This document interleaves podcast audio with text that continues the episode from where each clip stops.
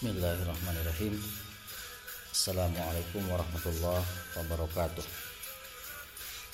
Selamat datang kembali. Selamat berjumpa dengan suara saya di udara Dianur Rahman di Anchor FM Kali ini dengan serial podcast terbaru saya Terkait dengan penjelasan mata kuliah Critical Theory dan kali ini uh, terkait dengan materi yang seharusnya pekan kemarin sudah disampaikan penjelasannya tapi karena ada dua kelas yang baru selesai materinya tadi siang maka baru berkesempatan kali ini saat ini saya membuat podcast untuk penjelasan materi historicism. Kali ini ditemani dulu dengan lagu-lagu dari Dewa 19. Baik, saudara-saudara, apa kabar semuanya? Mudah-mudahan selalu sehat walafiat, stay safe dari segala macam hal yang buruk termasuk COVID-19 dan tentunya harus selalu sehat, selalu ceria, selalu semangat terutama di bulan suci Ramadan. Kita kali ini yang insya Allah sekitar 8 hari lagi akan selesai. 8 hari lagi akan kita jelang hari raya Idul Fitri. Baik uh, new historicism anda yang pembelajar critical theory silakan mendengarkan ini bisa sambil membuka slideshow yang sudah saya persiapkan yang sudah saya buat dan uh, Anda bisa membuka slide satu demi satu. Mari kita buka slide cover yang sudah saya buat. Uh, nampak jelas sekali di situ adalah potret eh, sebelah atas di Candi Borobudur dan ini ada kaitannya dengan apa yang akan saya jelaskan. New historicism dari kata new-nya sendiri berarti ada satu bentuk kebaruan yang ingin disampaikan oleh para tokoh yang kita bahas eh, saat ini terutama dua tokoh yang sudah dibahas di kelas yaitu Michel Foucault yang pertama seorang sejarawan eh, filsuf dari Prancis dan yang kedua adalah Louis Adrian Montrose. Seorang kritikus sastra dari Amerika Serikat. Khususnya kritikus sastra yang beraliran historicism e, perlu diketahui bahwa Michel Foucault sebetulnya bukan yang memperkenalkan historicism kepada kita karena yang memperkenalkan historicism itu adalah uh, Stephen J. Greenblatt tetapi pemikiran-pemikiran Michel Foucault itu sangat menginspirasi para new historicis sehingga bisa dikatakan bahwa Michel Foucault adalah uh, inspirator dari lahirnya New Historicism. Seperti halnya juga Ferdinand de Saussure sebagai inspirator dari lahirnya Structuralism. Baik, saudara, uh, New Historicism berbicara tentang sejarah dan ketika kita berbicara tentang sejarah kita berbicara tentang masa lalu tentunya ada masa lalu yang menyenangkan ada masa lalu yang membuat kita senyum-senyum sendiri. Ada masa lalu yang menyedihkan ada masa lalu yang tidak mengenakan. Banyak hal terkait tentang masa lalu. Uh, sehingga sejarah itu sebetulnya adalah sebuah artefak. Sebuah artefak. Apa pun yang diucapkan itu adalah artefak. Apa pun yang dituliskan adalah sebuah artefak semua dokumen itu adalah artefak. Tulisan-tulisan yang kita buat makalah-makalah yang anda buat itu menjadi artefak nantinya. Esai yang anda buat tugas-tugas mata kuliah yang anda buat. Semua bentuk produk budaya produk manusia akhirnya menjadi artefak artefak budaya. Di slideshow di cover slideshow saya. Anda bisa melihat Candi Borobudur begitu gagah begitu megah. Uh, Candi Borobudur yang sangat terkenal uh, menjadi warisan dunia dipatenkan oleh UNESCO. Dan sekilas historisitas dari Candi Borobudur berdasarkan prasasti Karangtengah Perkirakan Candi Borobudur dibangun oleh Raja Samaratungga dari Wangsa Shailendra yang baru diselesaikan putrinya yaitu Ratu Pramudawardhani pada abad ke-9. Sedikit yang diketahui tentang hal lainnya tentunya. Tetapi banyak hal yang juga diketahui katanya arsitek bangunan yang tersusun dari 2 juta balok atau sekitar 55 ribu meter kubik batuan andesit yang saling mengunci bagikan sebuah puzzle raksasa ini dibangun oleh arsiteknya bernama Gunadarma.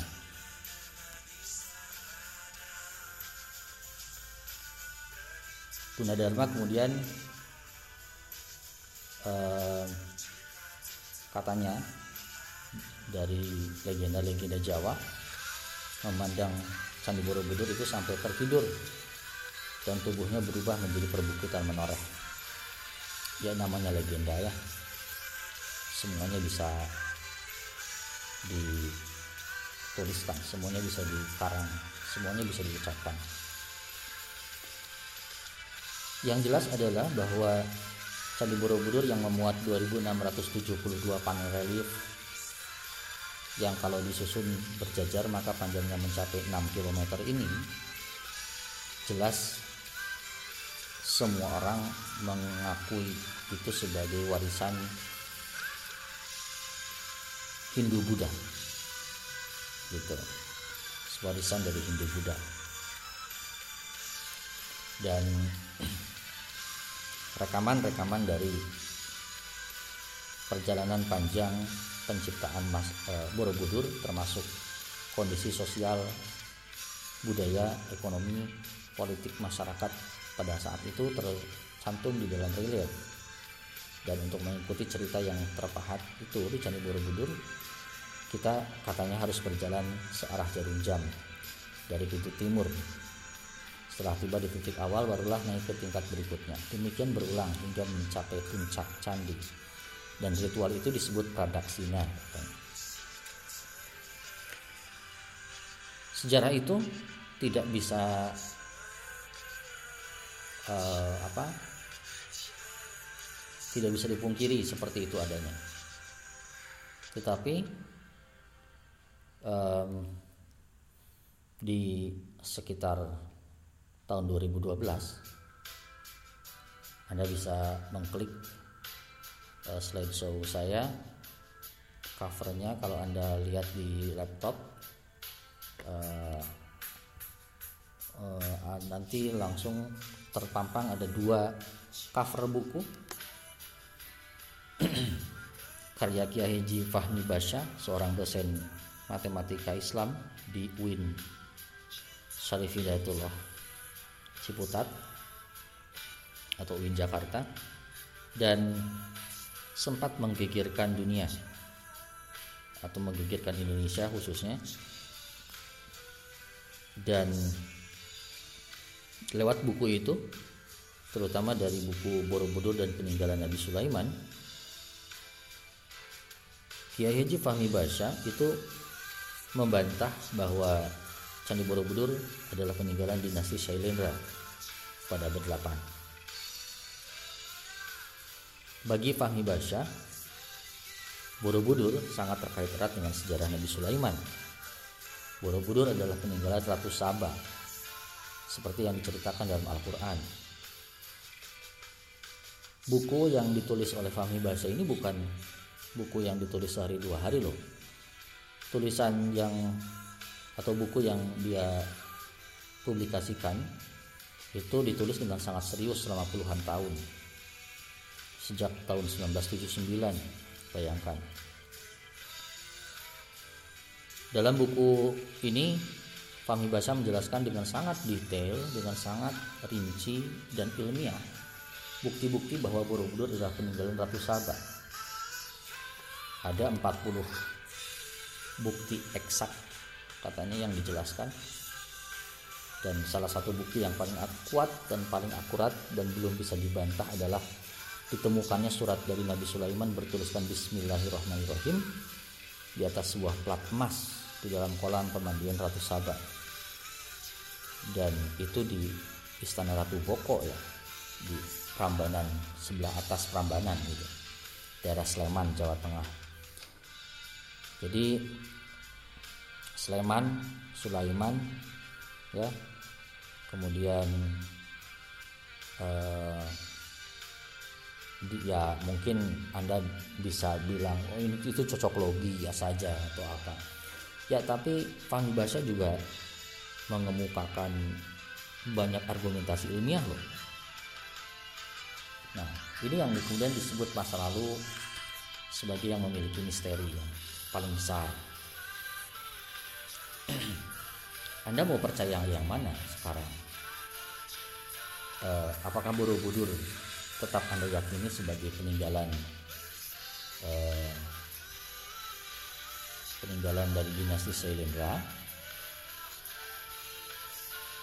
Atau Anda akan percaya bahwa Borobudur ini terkait dengan peninggalan Nabi Sulaiman dan Indonesia adalah negeri Sabah?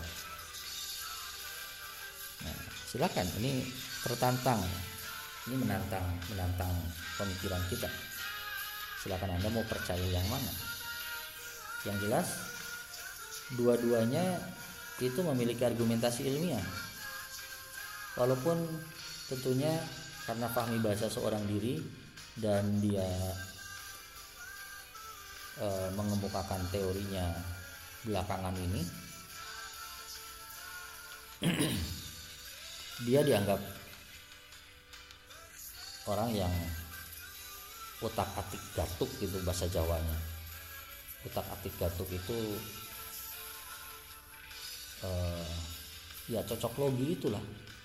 Mengotak ngatik apa yang ada di dalam Al-Quran disesuaikan dicocokkan dan sebagainya dan sebagainya. Bahkan ada seminar di UGM dan mengundang Fahmi Basha dan Fahmi Basha disebut sebagai orang yang uh, lucu katanya. Terlepas dari itu semua tapi itulah sejarah. Sejarah itu misteri ya.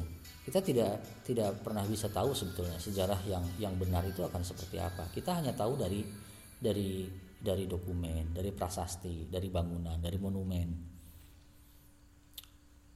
Silakan, apakah Anda percaya dengan monumen-monumen itu, dengan prasasti-prasasti itu, dengan teks-teks yang ditulis oleh orang itu, oleh para sejarawan, atau tidak? Jadi itulah yang kemudian menjadi motor penggerak ya gagasan-gagasan yang seperti itu pertanyaan-pertanyaan yang seperti itu yang menjadi motor penggerak dari adanya uh, New Historicism. Termasuk pemikiran-pemikiran kritis yang seperti itu yang diungkapkan oleh Michel Foucault. Michel Foucault itu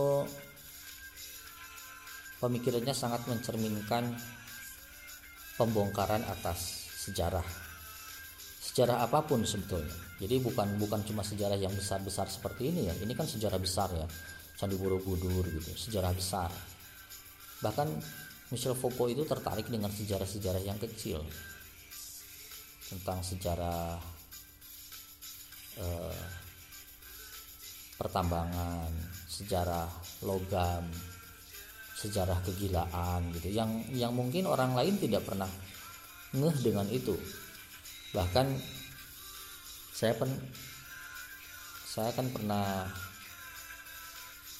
pernah di kelas satu di pertemuan di pertemuan awal kalau nggak salah atau pertemuan kedua waktu masih di kelas itu mengemukakan bahwa siapa sih yang ngeh dengan kancing baju Siapa yang pernah siapa yang menciptakan kancing baju?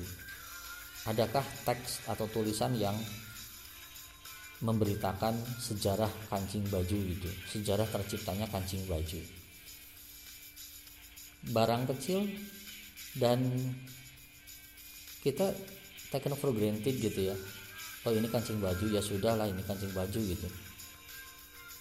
Kita menerima apa adanya. Padahal di balik itu semua mungkin ada ada proses yang begitu susah payah untuk menciptakan kancing baju loh gitu ada orang-orang yang kemudian berpikir dan berkreasi sedemikian rupa untuk menciptakan hal-hal kecil itu termasuk kancing baju. Ini kekritisan-kekritisan yang seperti ini yang kemudian diungkapkan oleh Michel Foucault. Jadi kita langsung mulai.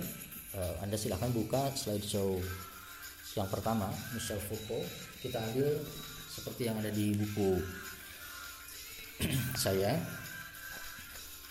Jadi kita sudah mau tamat ya bahkan kelas uh, yang sudah mencapai feminisme ini ini buku yang se, yang tebal kita ini ini sudah hampir tamat ini.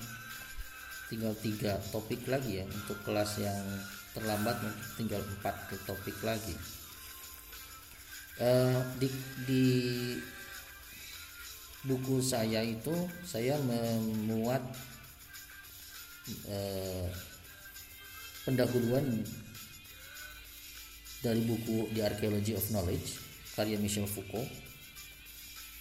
Uh, satu karya yang brilian yang mencoba membongkar relasi kuasa pengetahuan sehingga sejarah itu nampak seperti benar apa adanya gitu diterima oleh kita. Kalimat awalnya juga di, di pengantar itu di pendahuluan archaeology of knowledge-nya Michel Foucault itu sudah sangat eh, apa greget gitu ya Kalimat awal saya bacakan. For many years now, historians have preferred to turn their attention to long periods, as if beneath the shifts and changes of political events, they were trying to reveal a stable, almost indestructible system of checks and balances, the irreversible processes, the constant readjustments, the underlying tendencies that gather force and are then suddenly reversed after centuries of continuity the movements of accumulation and show saturation, the great silent, motionless basis that traditional history has covered with a thick layer of events. Uh, kita garis bawahi uh, uh, satu klausa satu klausa di akhir ya. That traditional history has covered with a thick layer of events. Dan yang bisa di bold juga lagi tambahnya adalah a thick layer of events. Anda bisa bayangkan bahwa sejarah itu ditutupi katanya bahwa traditional history sejarah yang biasa kita baca kita pahami itu ditutupi covered by a thick layer of events begitu banyak peristiwa-peristiwa bertebal peristiwa-peristiwa yang besar. Dan jarang yang ingin tahu ada ada hal-hal yang kemudian menarik yang seperti apa yang bisa diambil dari peristiwa-peristiwa besar itu cukup dengan paham saja. Oh ada peristiwa ini oh ada peristiwa ini. Oh perang dunia satu oh perang dunia dua. Oh Jepang menyerang Pearl Harbor di tahun 42 lalu takluk menyerah kalah di tahun 45 tanpa syarat pada sekutu. Wah itu peristiwa-peristiwa besar itu. Lalu Indonesia merdeka dan sebagainya dan sebagainya. Itu peristiwa-peristiwa besar. Tetapi di balik itu semua selalu ada relasi kuasa kepentingan pengetahuan yang kemudian dibeberkan seperti apa adanya tetapi pada dasarnya banyak hal yang ditutupi. Nah gitu. Itulah sifat dari arkeologi ya. Sifat dari metode arkeologinya Michel Foucault. Jadi arkeologi itu metode di dalam di dalam sejarah, kalau dalam sejarah satu metode untuk mengetahui rekam jejak gitu ya. Rekam jejak masa lalu dilihat dari apa yang ada di masa kini. Apa yang ada di masa kini itu apa? Ya teks ya dokumen ya tulisan ya monumen ya prasasti. Kan ada di masa kini gitu kan Anda melihat Candi Borobudur Anda melihat Candi Prambanan Anda melihat Monumen Nasional Monas dan lain-lainnya nah, itulah itulah arkeologi jadi semuanya menjadi artefak budaya yang kemudian e, diposisikan sebagai e, lalu lintas pemikiran masa kini untuk melihat masa lalu. Seperti itu. Tetapi kata Foucault, metode arkeologi ini belum cukup. Makanya kemudian ditambah dengan metode genealogi. Metode genealogi ini, kalau metode arkeologi itu bertanya tentang what and how, metode metode genealogi tentang bertanya tentang uh, who and why. Nah, gitu asal usul jadi what and how itu ada di metode arkeologi e, pertanyaan mengenai who and why itu ada di genealogi. Dan bagi Foucault semua bentuk cerita narasi sejarah ucapan apa pun ucapan itu itu akhirnya menjadi discourse yaitu system of statements. Rangkaian pernyataan. Rangkaian pernyataan. Kan monumen itu tidak bisa berbicara sendiri ya. Candi Borobudur tidak bisa berbicara. Candi Prambanan tidak bisa berbicara. Monas tidak bisa berbicara. Eh, kemudian apa? Eh, ya monumen-monumen dunia tidak bisa berbicara sendiri. Kan selalu ada narasi yang kemudian menyertai monumen-monumen itu. Ada narasi ada cerita. Gitu ada ucapan. Ada statement pernyataan. Nah itulah yang kemudian menjadi diskurs bagi Foucault ya. Karena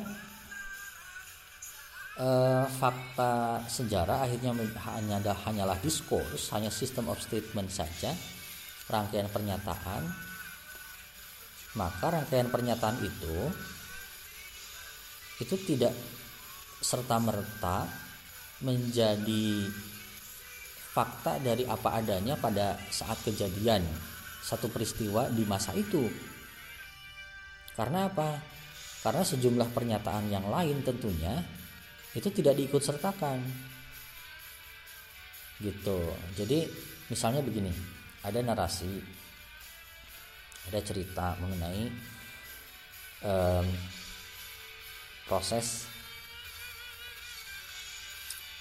Proses Soekarno me, apa, memproklamirkan kemerdekaan Indonesia. Mulai dari Soekarno-nya diculik kemudian dibawa ke Rengas Dengklok kemudian eh, malam hari ada seorang Sayyidun Malik yang kemudian mengetik teks proklamasi beberapa kali sampai kemudian jadi. Lalu kemudian pagi hari tanggal 17 Agustus sekitar pukul 10 proklamasi Indonesia eh, Indonesia diproklamasikan sebagai negara merdeka. Nah satu rangkaian narasi itu saja cukup dulu. Itu kan system of statements. Itu rangkaian pernyataan. Dan semua buku sejarah Indonesia mengemukakan itu.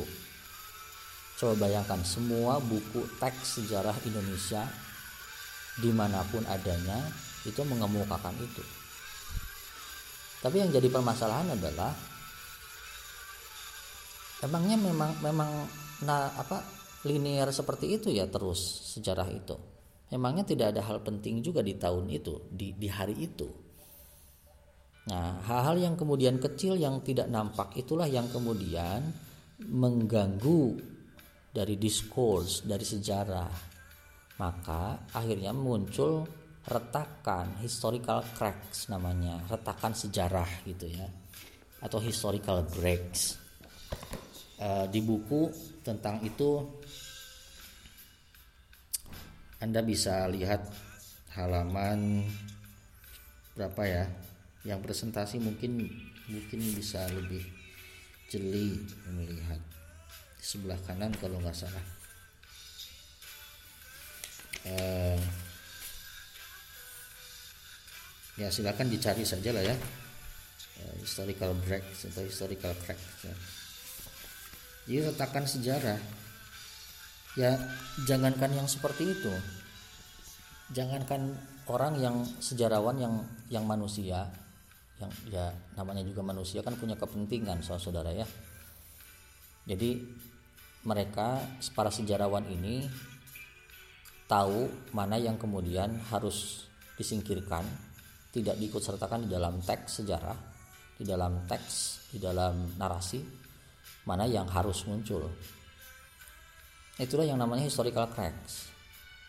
Gitu. Kita tahu masa lalu itu kan dari pernyataan dari ucapan. Ya jangankan hal-hal besar itu saya bicara seperti ini pun saya kan memilih diksi saya berbicara di dalam kelas misalnya berceramah di dalam kelas atau misalnya membuat podcast ini saya kan memilih diksi. Saya menyingkirkan hal-hal yang tidak penting menurut saya untuk tidak diucapkan di dalam podcast ini. Gitu. Lalu saya anggap apa yang kemudian saya ucapkan itu adalah menjadi penting. Itu kan kepentingan. Kepentingan saya sebagai pengajar.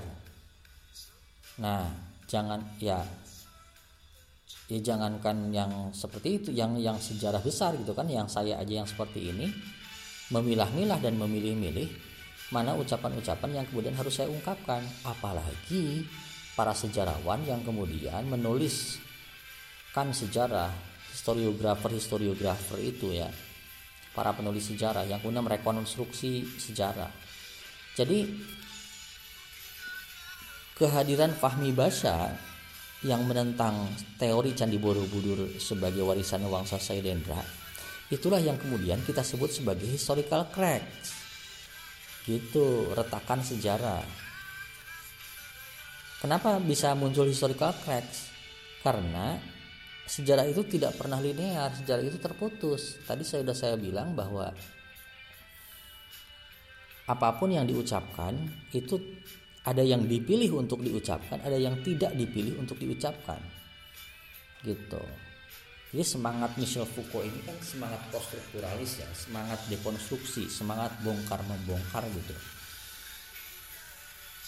Banyak yang bertanya di WAG di grup kelas kita, lalu kalau seperti itu kita jadi nggak percaya apa-apa dong. Ya memang tujuannya itu Michel Foucault itu tujuannya adalah untuk mengobrak-abrik keyakinan kita, kepercayaan kita pada teks, pada apa pun yang bersifat uh, arkeologis dan genealogis gitu. Nah, seperti itu. Emangnya asal usul who and why, siapa dan mengapa itu bisa ditelusuri dengan dengan dengan benar gitu? Apakah betul bahwa negara Kertagama adalah tulisannya Empu prapanca. Itu apakah betul e, memang seperti itu? Apakah e, sejarah Majapahit misal, misalnya memang cuma ada di negara Kertagama saja? Gitu. Semua orang bersandar pada negara Kertagama. Gitu. Jadi e, di sana historical cracks muncul. Ada retakan sejarah. Itulah discontinuity. Ada ada keterputusan semua orang akhirnya hanya mengikuti yang besar-besarnya saja sesuai dengan kepentingan para sejarawan. Gitu.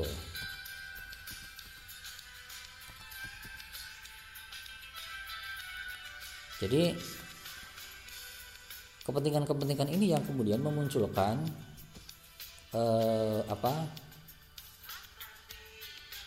eh, diskontinuitas keterputusan bahwa retakan uh, munculnya retakan sejarah itu akhirnya yang kemudian memunculkan keterputusan. Jadi sejarah itu tidak pernah linear, pasti ada yang putus-putusnya gitu. Pasti ada yang putus-putusnya. Dan ketika ada discontinuity, ketika ada keterputusan, maka Itulah yang kemudian dimunculkan oleh orang-orang yang menganggap narasi-narasi itu penting menjadi menjadi kuasa, menjadi power, menjadi satu kekuasaan. Gitu. Jadi bagi Foucault, power ini bukan bukan milik bukan milik penguasa saja. Bukan milik penguasa dalam artian milik milik pemerintah gitu, milik yang menguasai negara presiden misalnya Bukan. Tapi power ini adalah milik semua orang yang kemudian menganggap bahwa satu teks, satu kebenaran itu diyakini benar apa adanya. Akhirnya menjadi pengetahuan. Itu menjadi truth. Ketika sudah menjadi truth, ya otomatis menjadi pengetahuan dong. Ya seperti tadi pengetahuan tentang tentang Borobudur, pengetahuan tentang Prambanan, pengetahuan tentang eh, apa Indonesia merdeka, pengetahuan tentang eh, matematika misalnya, pengetahuan tentang gaya gravitasi misalnya, gitu. Jadi diacak-acak oleh Foucault.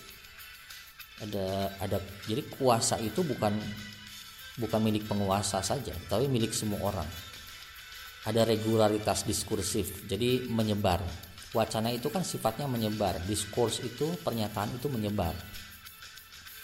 Hari ini anda tidak uh, maksudnya hari ini anda bahkan bisa menjadi seorang yang memiliki power ketika anda misalnya atau kita misalnya siapa pun misalnya mempercayai sebuah tulisan padahal tulisan itu hoax kemudian anda menyebarkannya dan seolah-olah itu ada dari anda dan orang menjadi percaya. Kan itu power namanya. Gitu lewat WA jejaring WA dan sebagainya misalnya. Terus disebar-sebarkan. Itulah power itulah truth itulah kebenaran akhirnya gitu. Jadi kebenaran bukan bukan terletak dari seberapa akurat peristiwa itu ada peristiwa itu terjadi. Tetapi kebenaran itu seberapa banyak orang percaya. Nah tentang tentang itu. Itulah kuasa itulah power. Banyak dari anda misalnya mengatakan dari perspektif banyak yang menggunakan perspektif Marxis ya. Katanya sejarah ditulis oleh para pemenang ya itu betul. Tetapi masalahnya adalah bukan cuma para pemenang. Para pemenang pun kalau misalnya apa yang dia ungkapkan tidak diyakini dan tidak dibenarkan oleh masyarakat ya tidak menjadi truth tidak menjadi knowledge. Gitu. Yang yang menjadi inti adalah seberapa banyak orang percaya dengan dengan narasi itu maka menciptakan pengetahuannya sendiri-sendiri. Ketika masa Orde Baru Soeharto Anda mungkin tidak mengalami masa-masa itu karena masih bayi atau masih kecil. Anak kebanyakan lahir di tahun berapa? Tahun 99 98 atau 2000 ada tahun 2000 eh, bahkan sudah reformasi kalau anda lahir tahun 2000 ya. Gitu di masa Orde Baru misalnya PKI distigmatisasikan sebagai Partai Komunis Indonesia ya itu sebagai yang jahat, buruk, kejam, sadis, anti agama, ateis, anti Tuhan, oh segala macam. Ya bagi Foko itulah kebenaran, itulah itulah kebenaran pada saat itu, itulah power pada saat itu itu. Itulah truth ketika misalnya hari ini banyak orang berasumsi bahwa itu itu banyak kesalahan tidak seperti itu PKI itu tidak seperti itu dan sebagainya. Itulah historical cracks gitu loh. Jadi ada keterputusan sejarah. Oh berarti dulu zaman Soeharto memang bisa jadi ada seperti yang diungkapkan di awal tadi oleh Foucault bahwa apa that traditional history has covered with a thick layer of events. Begitu. Ada ketebalan-ketebalan sejarah yang kemudian diungkapkan oleh oleh penguasa Orde Baru pada saat itu yang kemudian menutupi discontinuity-nya. Retakannya ditutupi gitu. Seolah-olah linear bahwa PKI salah. Sudah Orde Baru muncul, Soeharto muncul dan sebagainya Begitupun sebaliknya ketika sekarang melihat Soekarno sebagai seorang yang salah misalnya, banyak korupsi dan sebagainya. Apakah Soeharto semua keseluruhannya salah? Kan pertanyaannya jadi seperti itu. Di situ juga ada historical crack, saudara-saudara. Ada discontinuity, ada ada ada keterputusan. Nah, gitu loh. Jadi sejarah mana yang akan dipercayai? Nah, pernyataan-pernyataan Michel Foucault yang seperti ini terutama yang di akhir ini menggelitik kita ya itu eh, Anda bisa lihat di halaman 283 Aren't you sure of what you are saying? Are you going to change yet again, shift your position according to the questions that are put to you, and say that the objection are not really directed at the place from which you are speaking? Are you going to declare yet again that you have never been what you have been reproached with being? Are you already preparing the way out that will enable you in your next birth to spring up somewhere else and declare as you're now doing on? No, no, I'm not where you are lying in wait for me, but over here, laughing at you. Dan sebagainya di sini. Pertanyaan-pertanyaan kritis itu sebagai penutup dari pembahasan Michel Foucault ya. Jadi semua yang dikatakan oleh manusia itu memiliki retakan saudara-saudara. Aren't you sure of what you are saying? Apakah Anda yakin dengan apa yang Anda ungkapkan? Apakah Anda ingin mengganti posisi Anda sebagai apa, sebagai apa, dan sebagainya? Saya aja sekarang di sini kalau lagi di kelas atau sekarang misalnya lagi bikin podcast kan walaupun uh, apa saya berada di rumah tapi saya memposisikan sebagai dosen.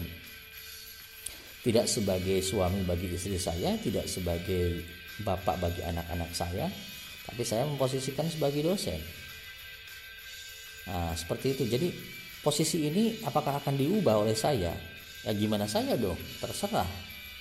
Gitu. Jadi setiap ucapan manusia itu memiliki retakan bisa jadi di dalam satu kata yang diucapkan ada kebohongan, ada discontinuity, ada keterputusan. Begitu kata Foucault. Kata Foucault loh ya. Bukan kata saya, saya menginterpretasikan saja. Silakan Anda mau percaya Foucault atau tidak. Yang jelas Foucault itu orang gila juga. Profesor yang cukup gila ya. Oke. Kita lanjut uh, supaya tidak lebih panjang ke Louis Adrian Montrose silahkan buka slide selanjutnya. Um, nah di Louis Adrian Montrose ini sudah lebih tampak jelas lagi.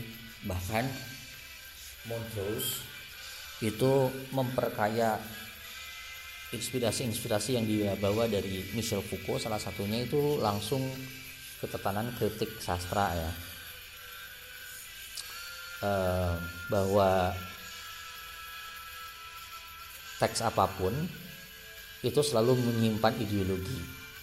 Dia berpikirnya dengan cara Marxis dulu.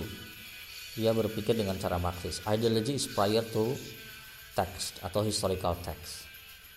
Kenapa di slide saya misalnya di slide show saya itu kata historicalnya di dalam kurung karena um, itu ada sangkut pautnya dengan penjelasan saya selanjutnya di uh, teori Montrose. Jadi teks itu kan ada yang menyejarah, ada yang kemudian mempengaruhi sejarah. Ideology is prior to historical text.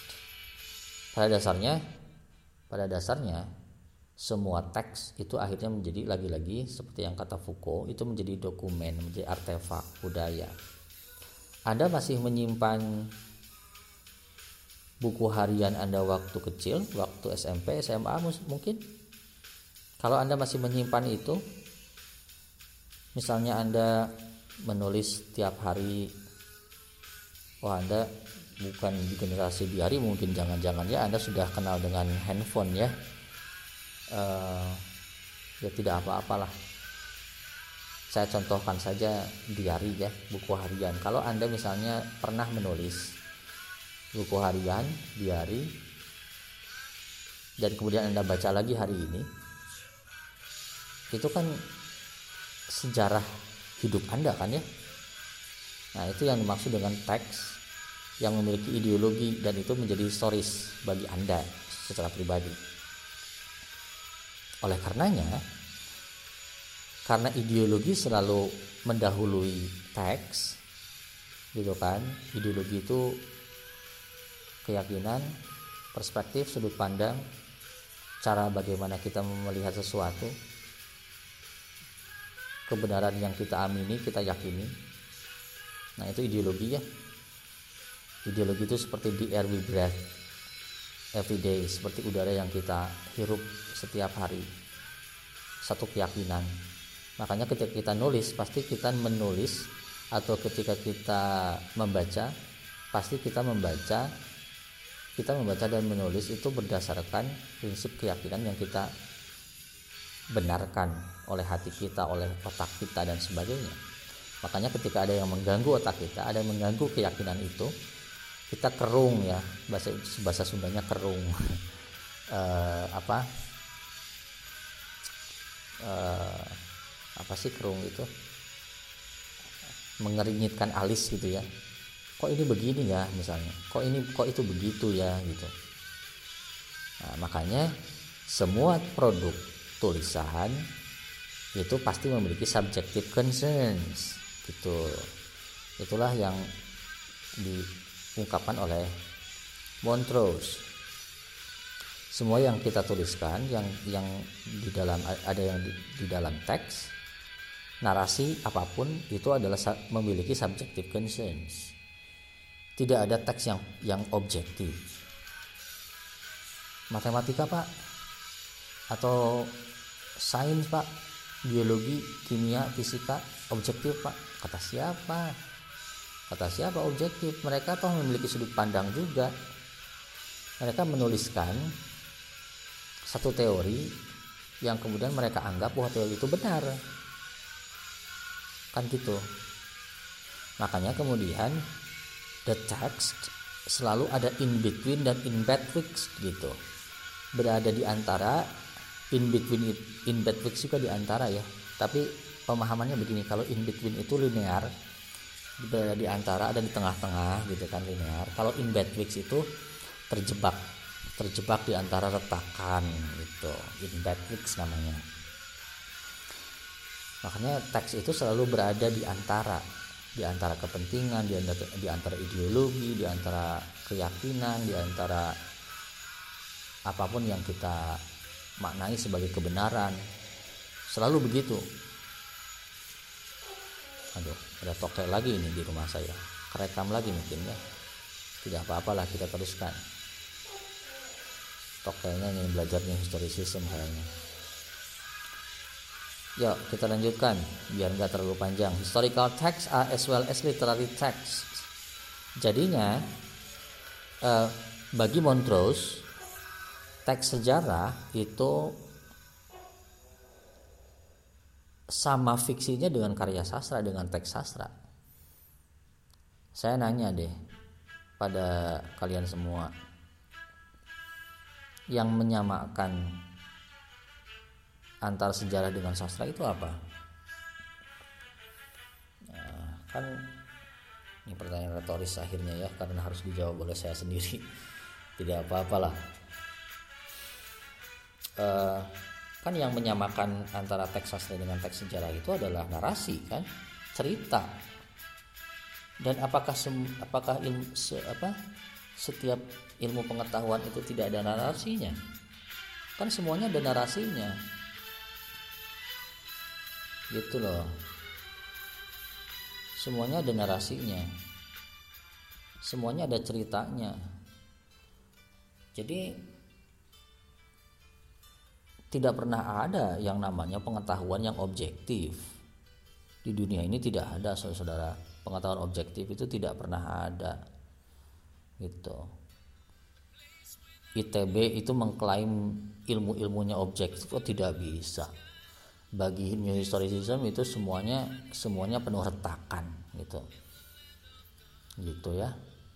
Ilmu-ilmu yang dikembangkan di ITB juga penuh retakan apakah kemudian percobaan-percobaan saintifik di lab-lab di uh, lab-lab fisika, lab kimia, lab apa pun gitu, apakah itu tidak penuh dengan kepentingan? Penuh dengan kepentingan dong. Gitu. Maka historical text, teks apa pun itu itu sama dengan teks sastra akhirnya. Semua pengetahuan akhirnya menjadi sastra, menjadi fiksi gitu.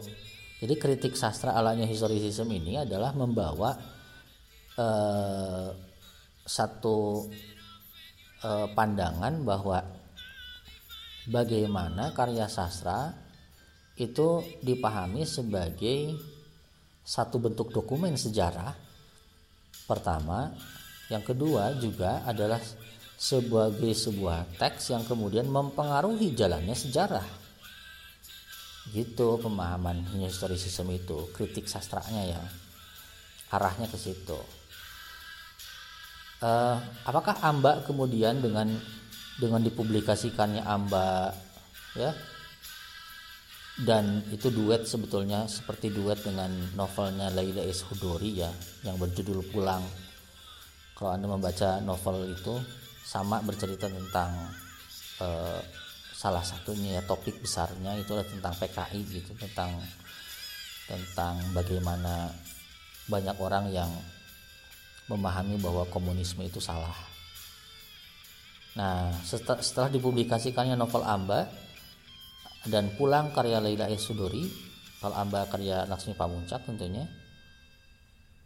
Apakah apakah perspektif orang-orang itu menjadi berbeda ketika memahami PKI, memahami komunisme? Apakah mereka menjadi menjadi santuy saja dengan komunisme itu. Apakah orang-orang menjadi uh, menjadi berubah paradigma memahami PKI-nya memahami komunismenya? Nah itu yang kemudian uh, dipahami. Makanya new historicism ini agak berkaitan erat juga dengan reader response ya gitu. Sedikit menyinggung reader response menyinggung reader response itu maksudnya metodenya ya bukan bukan teorinya bukan cara berpikirnya tetapi metodenya. Metodenya yaitu bagaimana kemudian orang yang membaca atau kita sebagai pembaca pembaca novelnya misalnya itu memiliki pandangan baru setelah membaca Amba terkait dengan komunisme misalnya. Nah gitu. Yang jadi masalah adalah kalau ingin mengubah itu semua kan harus masuk ke dalam lingkaran kekuasaan. Gitu. Laksmi Pamuncak sebagai sastrawan ya kan ingin bebas. Tapi ketika ingin bebas akhirnya salah satu kelemahannya ketika dia tidak masuk lingkaran kekuasaan maka dia tidak tidak bisa memasukkan ideologi atau cara berpikir dia terkait dengan komunisme, terkait dengan PKI itu ke dalam narasi-narasi sejarah yang harusnya ada di teks-teks eh, pendidikan dasar dan menengah misalnya. Nah gitu. Maka dengan begitu kita akan memahami lagi bahwa akhirnya teks apa pun sama dengan teks sastra Nah inilah makanya lahir pemahaman historicity of text and textuality of history. Di akhir ya silakan dibaca itu ada penjelasannya yang sangat jelas sih sebetulnya. Apa itu historicity of text dan apa itu textuality of history? Uh, halaman 292. Um, The post-structuralist orientation to history now emerging in literary studies may be characterized chiastically as a reciprocal concern with the historicity of texts and the textuality of history. By the historicity of texts, I mean to suggest that the cultural specificity, the social embedment of all modes of writing, not only the text that critics study but also the text in which we study them. Katanya tidak cuma teks yang kritikus pelajari tetapi juga teks-teks yang dengannya in which we study them yang dengannya kita mempelajari uh, para kritikus itu atau mempelajari teks-teks itu. Jadi ada teks primer, teks sekunder. Jadi semua teks akhirnya semua bentuk pengetahuan yang dituliskan itu yang dimaksud dengan historicity of text. Kalau saya sih mengungkapkan di dalam bahasa Indonesia sebagai penyejarahan teks itu. Bahwa semua teks itu akhirnya menjadi artefak, menjadi dokumen sejarah. Sepicisan-picisannya tulisan kita itu menjadi dokumen sejarah minimal bagi kita sendiri gitu loh. Nah, by the textuality of history, I mean to suggest firstly that we can have no access to a full and authentic past, a lived material existence unmediated by the surviving textual traces of the society in question traces of survival who, who we cannot assume to be merely contingent, but must rather presume to be at least partially consequent upon complex and subtle social processes of preservation and investment. And secondly, that those textual traces are themselves subject to subsequent textual mediations when they are construed as the documents upon which historians ground their own texts called histories. Nah, kalau dalam bahasa Indonesia saya me, me, mengungkapkan textuality of history itu adalah mentekskan sejarah. Kalau historicity of text adalah, adalah penyejarahan teks, kalau textuality of history adalah mentekskan sejarah, menuliskan sejarah, membuat membuat e, sejarah itu menjadi ada. Lewat apa? Lewat teks, lewat dokumen. Gitu. Akhirnya apa? Konsekuensinya kata kata Montrose ketika ada textuality of history, maka kita tidak akan pernah bisa masuk pada kebenaran sejarah otentik pasnya itu. Masa lalu yang otentiknya seperti apa tidak akan pernah bisa. Contoh konkret begini, saudara-saudara. Anda menuliskan ten, uh, satu cerita uh, jangan biografi lah, jangan lengkap biografi Anda, tetapi Anda menuliskan cukup misalnya satu cerita rangkaian cerita waktu yang anda ingat e, ketika di SD gitu. Anda mengungkapkan itu dengan karena banyak sekali kenangan manis kenangan yang gembira yang membahagiakan waktu SD misalnya. Anda menuliskan dengan gembira. Gitu. Tapi ketika itu dipublikasi, ketika itu dibaca oleh orang, oleh saya misalnya, oleh teman-teman Anda misalnya, apakah teman-teman Anda, apakah saya betul-betul bisa masuk ke authentic pas itu? Tidak bisa.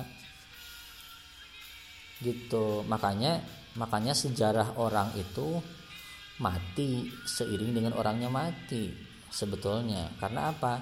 Karena yang yang ada yang realnya itu adalah yang dialami kita itu tidak akan pernah bisa masuk ke dalam lingkaran yang sudah dialami. Otentik pas itu nggak akan pernah bisa apalagi otentik pas milik orang lain gitu loh. Makanya biografi akhirnya menjadi menjadi fiksi. Se, se apa seilmiah apa pun orang menulis tentang uh, kehidupan seseorang dengan banyak referensi dengan apa mewawancarai sekian ratus orang yang kenal dengan orang itu misalnya akhirnya menjadi fiksi-fiksi juga. Begitu saudara-saudara. Itulah bagaimana new historicism itu membongkar kepalsuan-kepalsuan teks gitu terutama ya. Jadi bagaimana ideologi-ideologi itu selalu nyangkut di dalam perkataan, di dalam ucapan, di dalam narasi. Itulah yang kemudian membuat teks-teks itu mengalami atau memiliki retakan, memiliki diskontinuitas. Gitu. Itulah historicism saudara-saudara. Saya mengungkapkan apa yang kemudian saya pahami dari tulisan Michel Foucault dari beberapa referensi lain yang kemudian saya punya di rumah saya di perpustakaan saya juga apa yang saya pahami dari Louis Adrien Montrose eh, terkait dengan bagaimana New Historicism ini mengobrak-abrik semua jenis ilmu pengetahuan gitu kebenarannya ya akhirnya menjadi bahaya juga kalau misalnya Anda menerapkan e, perspektif atau paradigma berpikir yang seperti ini untuk memahami agama ya. Karena akhirnya menjadi tidak percaya semuanya. Semuanya menjadi sejarah kan akhirnya. Gitu.